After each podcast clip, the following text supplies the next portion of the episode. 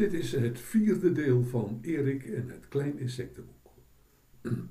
Waar waren we ook alweer gebleven? Erik, een jongetje van 9 jaar, is terechtgekomen in het land Wollewij, dat is eigenlijk een schilderij, en was daar op bezoek bij de familie van Vliesvleugel. Dat zijn wespen. Dat zijn wespen die zichzelf ontzettend belangrijk vonden. Zo erg belangrijk dat ze eigenlijk een beetje bekakt waren. Daar heeft hij ook een meneer P. ontmoet. Dat was ook een wesp, ook een hele belangrijke wesp. Die zichzelf vooral ook heel erg belangrijk vond. En meneer P. was een beetje bang dat de familie van Vliesvleugel Erik belangrijker zou gaan vinden dan hemzelf. Dat bezoek van Erik aan de familie van Vliesvleugel was geen succes. Erik heeft eerst een loflied gezongen op de bijen. En die bijen, dat was nog wel familie van de familie van Vliesvleugel, maar die wilde eigenlijk helemaal niets met die bijen te maken hebben. En daarna, tijdens het muziek maken op instrumenten, en die instrumenten waren allemaal bromvliegen, heeft Erik zo hard op een van de bromvliegen gespeeld dat hij hartstikke dood ging.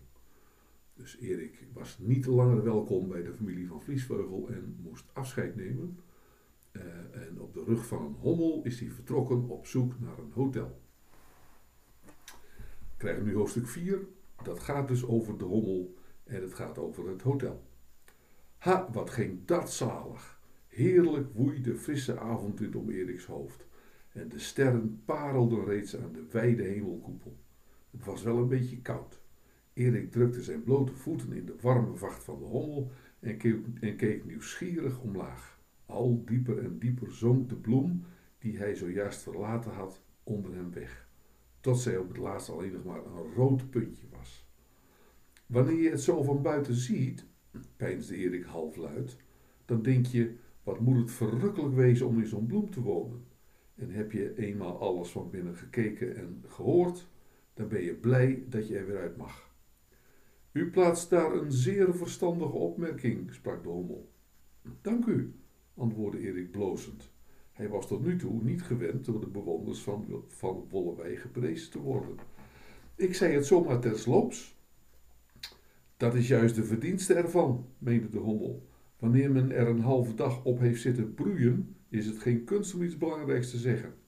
Ik doe namelijk zelf een beetje aan filosofie. Oh, juist, zei Erik. Kijk, kijk. Wanneer u even achter u wilt voelen, hernam de hommel, dan zult u in mijn zak een boekje vinden dat ik nogal eens raadpleeg. Hij kuchte bescheiden. Erik tastte achter, achter zijn rug en vond werkelijk het boekje. Gelukkig scheen de maan helder, zodat hij, als hij het boekje dicht bij zijn ogen hield, de titel kon lezen. En tot zijn verrassing was het juist hetzelfde boekje als hij in zijn vaders boekenkast wel eens had gezien. Schicksal der Gegenwart stond er in gouden letters op het bruine leer. Tjonge, tjonge, mompelde Erik eerbiedig. Ik heb altijd gedacht, wat zou dat toch betekenen? Nou, eerlijk gezegd begrijp ik het ook niet helemaal, bekende de hommel. Maar waarom leest u het dan? vroeg Erik verbaasd.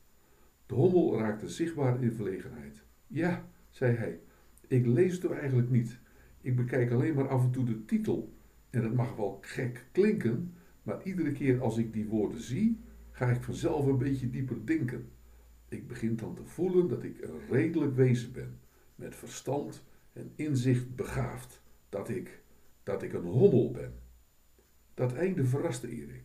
Maar natuurlijk, dacht hij, zo moet een hommel ook wel spreken. We zijn er, sprak het dier, tussen het gras neerdalend. Erik stapte af en dankte met een buiging voor de rit. Ik vond het buitengewoon aardig van u hoor, meneer, zei hij hartelijk bedankt. De hommel raakte weer in grote verlegenheid. zei hij, u hoeft mij in het geheel niet te bedanken hoor. Zullen we hier meteen maar even afrekenen? Afrekenen? mompelde Erik onthutst. Oh juist, uh, ja. Uh, hoeveel, uh, hoeveel moet u hebben? Dat laat ik helemaal aan de beleefdheid van meneer over, antwoordde de hommel, met opgetrokken wenkbrauwen naar de verte starend alsof de zaak eigenlijk buiten hem omging. En toen Erik hem bedremmeld bleef aankijken, voegde hij eraan toe: Ik ben vader en echtgenoot, meneer. Ja, ja, mompelde Erik, al zijn zakken koortsachtig nazoekend. Hij wist natuurlijk heel goed dat er niets in zijn handsopje te vinden was wat voor een vader en een echtgenoot van groot belang kon zijn. Maar er waren al zoveel rare dingen gebeurd sinds hij in het land Vollewee was, dat hij dacht toch wel te mogen rekenen op een klein meevallertje. En werkelijk, daar vond hij het klompje honing dat de oudste wespendochter hem gegeven had. Alsjeblieft, zei Erik, zei Erik tegen de hommel. De hommel pakte de klomp haastig met zijn voorpootjes aan en werd helemaal rood van opwinding. Maar meneer, zei hij, dat kan ik toch niet wisselen? Dat hoeft ook niet, zei Erik. U mag het houden. En nauwelijks had hij dit gezegd of de hommel propte de honing in zijn achterzak en zoemde er als de wind vandoor. Ik heb hem natuurlijk veel te veel gegeven, dacht Erik spijtig, het inhalige beest naogend. En nu heb ik niets meer om mijn hotelrekening te betalen. Vervelend is dat. Hij keek een beetje mistroostig in het rond om het hotel te vinden. Nou was Erik helemaal niet bang in het donker, laten we dat even vooropstellen. Maar toen hij vlak voor hem, sorry, maar toen hij vlak voor zich een oog ontwaarde dat zacht op en neer zwaaide en hem daarbij strak aankeek, moest hij toch wel zijn uiterste best doen om niet vreselijk te schrikken en in tranen uit te barsten. Dag oog, stamelde Erik. Bent u alleen of, uh, of zit u ergens aan vast? Hij hoort bij mij, riep iemand een heel eind erachter. Wenst u een kamer? Erik liep onder het oog door en kwam na enige tijd bij een slak aan. Dag meneer, zei hij, als altijd een buiging makend. Ja, ik zoek een hotel. Goed, zei de slak. Zeer traag sprekend. Heel goed. Maar wilt u misschien weer op uw vorige plekje gaan staan? Zo kunnen we niet praten. Ik zie niks. Erik liep weer terug onder het oog door dat hem in allerlei pochten aan het zoeken was en ging er goed duidelijk voor staan. Juist, zei de slak. Voor we nu verder praten, kom er niet aan. Ik ben daar zeer gevoelig. Ja, dat weet ik, zei Erik. Geef je er maar een klein tikje op, dan rolt het helemaal in elkaar. Het oog kromp verschrikt ineen. Het is zelfs pijnlijk voor mij als u erover praat, zei de stem in de verte. Ik kan er werkelijk niet tegen. Ja, maar ik kan ook niet tegen twee ogen tegelijkertijd praten. En ik kan er ook niet tegen dat u met het andere oog voortdurend om mijn hoofd zwerft, klaagde Erik. Ik weet werkelijk niet meer welke van de twee ik nou eigenlijk moet hebben om tegen te praten. Neemt u de rechtse maar, opperde de stem. Dan zal ik het andere oog zo lang naar binnen halen. Eduard, kom hier. Het ene oog rolde langzaam terug, terwijl het andere vlak voor Eriks gezicht bleef staan. Het zag er werkelijk uit alsof hij met iemand door de telefoon sprak. Wenst u een kamer voor vannacht? vroeg de stem. Jazeker, zei Erik, die het op zijn blote voeten koud begon te krijgen. Een kamer met ontbijt? Uh, liever een kamer met een bed, opperde Erik. Ik heb juist een heel groot diner op. Het oog werd van rond langwerpig, zoals ook gebeurt bij iemand die lacht. En werkelijk hoorde hij in de verte iemand zacht lachen. U bent nog zeer jong, merk ik, sprak de stem, op haar bedaarde manier. Ik zal u dus een kamer met ontbijt geven. Verder constateer ik aan uw spraak en kleding. Het oog zakte naar beneden en onderzocht de knopen van zijn handsopje.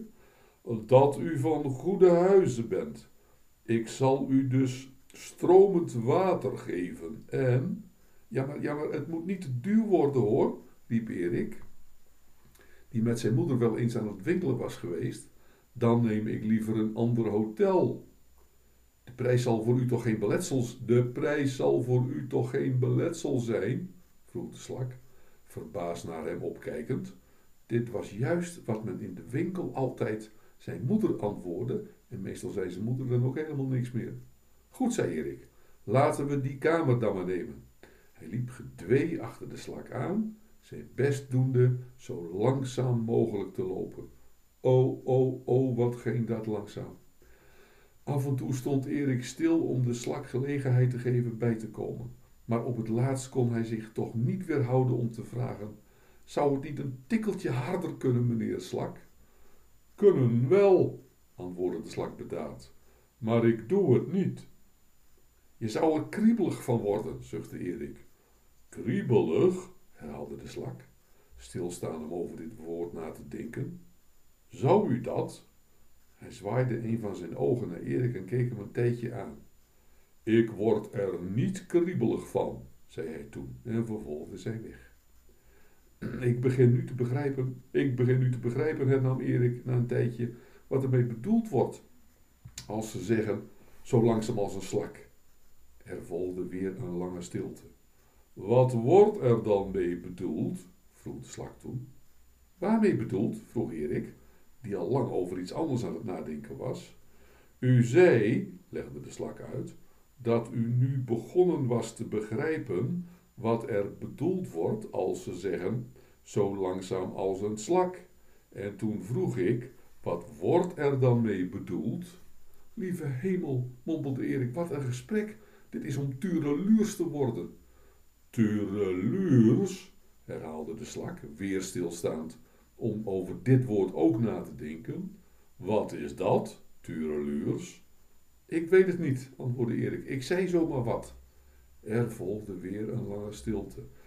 Ja, goed, wel, sprak de slak toen en stond weer stil.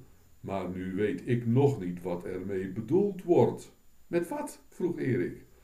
U zei, legde de slak uit, dat u nu begonnen was te begrijpen wat ermee bedoeld wordt als ze zeggen zo langzaam als een slak. En toen zei ik, wat wordt daar dan mee bedoeld? En toen zei u, dat is om tureluurs te worden. En toen zei ik, wat is dat dan, tureluurs? Erik zuchtte. Ik kan het niet meer volgen, zei hij. Gaat het te vlug? vroeg de slak. Wil ik het nog eens uitleggen? Nee, nee, nee, riep Erik, ik begrijp het toch niet. Nu, besloot de slak voldaan, had u dat dan maar meteen gezegd, dan was ons heel wat moeite bespaard gebleven. Hier zijn we er. Hij stond stil om Erik de gelegenheid te geven het hotel goed te bekijken. Bij het licht van een lantaarntje dat buiten hing, doemden de omtrekken van een reusachtig slakkenhuis, slakkenhuis op. Het was alleraardigst. Voor een van de verlichte venstertjes zat een klein torretje aardappels te schillen en knikte de nieuwe gast vriendelijk toe. Boven de deur hing een bordje, maar er stond niks op. Leuk, meende Erik, maar hoe heet het? Kijk, dat is nu de grote vraag, antwoordde de slak. Daar zijn we nu al tien jaar over aan het nadenken. De vorige eigenaar, een broer van mij, is eraan gestorven. Och jeetje, riep Erik. Nou ja, het was ook zijn eigen schuld. Hij wilde veel te veel ineens. Maar nu wordt het toch eindelijk wel tijd dat we de knoop eens doorhakken. Vindt u dat ook niet? Ja, dat vond Erik ook. Als u het graag wilt, zei hij, wil ik er wel eens over nadenken. Och, als u dat zou willen doen, riep de slak verheugd. Al is het maar een week of wat. En als u dan begint met denken, waarschuwt u ons dan, dan houden wij ermee op. Hemeltje lief, mompelde Erik. Wat een verschrikkelijke dieren zijn dat, die slakken. En hij liep meteen het hotel in. Ho, ho, riep de slak. Niet zo vlug, meneer. U zult toch op mij moeten wachten, want op uw eentje kunt u het onmogelijk vinden. Erik slofte gehoorzaam achter de slak aan. Het huis bleek uit een hele lange gang te bestaan, die zich in een spiraal alsmaar nauwer en nauwer en nauwer wond. Aan beide kanten van de gang waren deurtjes met nummertjes erboven. Soms met een naam, zoals J. Mug of AAM Hooiwagen. Dat zijn de vaste, legde de eigenaar uit. Zij betalen pensioenprijs. Die van de nummers zijn de losse. Ze blijven maar voor één of twee nachtjes, meest reizigers, maar allemaal even keurig hoor. Merkwaardig, vond Erik, het bordje hooiwagen bekijkend. Het moet toch wel eens lastig zijn, zoveel verschillende dieren te herbergen. Deze hooiwagen bijvoorbeeld Waar moet hij nou zijn benen laten? Hij had deze wonderlijke langpoten heel vaak thuis tegen de tuinmuur gezien en was benieuwd te horen hoe, je, hoe zo'n dier nou de nacht doorbracht. Heel eenvoudig, zei de eigenaar.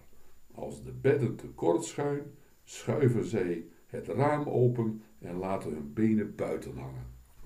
Kijk, dat is aardig, vond Erik. En woont u zelf ook op een van die kamertjes? Ik niet, antwoordde het slak trots. Wij slakken dragen namelijk ons huis op onze rug. Ja, dan kun je ook nooit eens verhuizen, zei Erik. Dat is zeer waar, gaf de slak toe.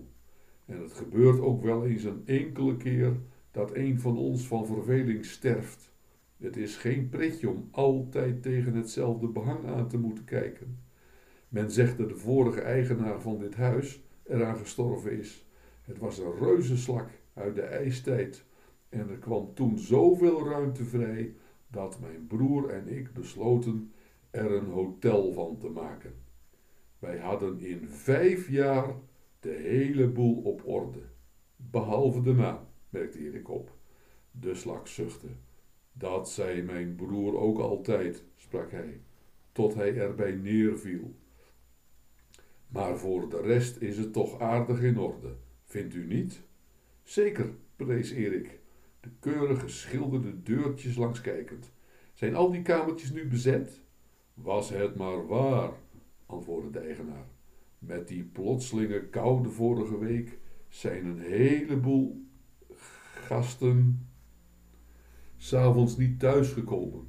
Dan zit je wel met de rekeningen, maar op het ogenblik ben ik toch weer voor de helft vol geboekt. Er is een duizendpoot, een rups, een hooiwagen, twee verdwaalde bijen, wat muggen, zes bromvliegen, die betalen heel slecht hoor, meneer Pinksterblom, een horzel, drie torren en een kever, een sprinkhaan, meen ik, en, laat eens kijken, oh ja, nog een slakje, zonder huis, en een mier op doorreis en een kakkerlak. De naam van deze laatste gast sprak hij met enige aarzeling uit, en hij voegde er onmiddellijk aan toe, maar die is slechts voor één nachtje, hoor.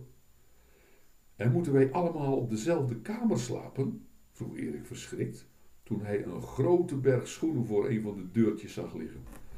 Nee, nee, stelde de slag gerust, daar woont de duizendpoot. En het is elke morgen een enorm karwei om al zijn schoenen te poetsen, en daarom betaalt hij ook dubbel tarief. Uw kamer is naast de zijne. Wilt u maar binnengaan? Hij reikte zijn gast het gastenboek over en Erik zette zijn naam tussen de naam van een tor en een rups. Het voordeel van een hands-op is dat men zich s'avonds niet hoeft uit te kleden, dacht Erik terwijl hij in bed stapte. Hij deed zijn avondgebed en sliep blij en vergenoegd in.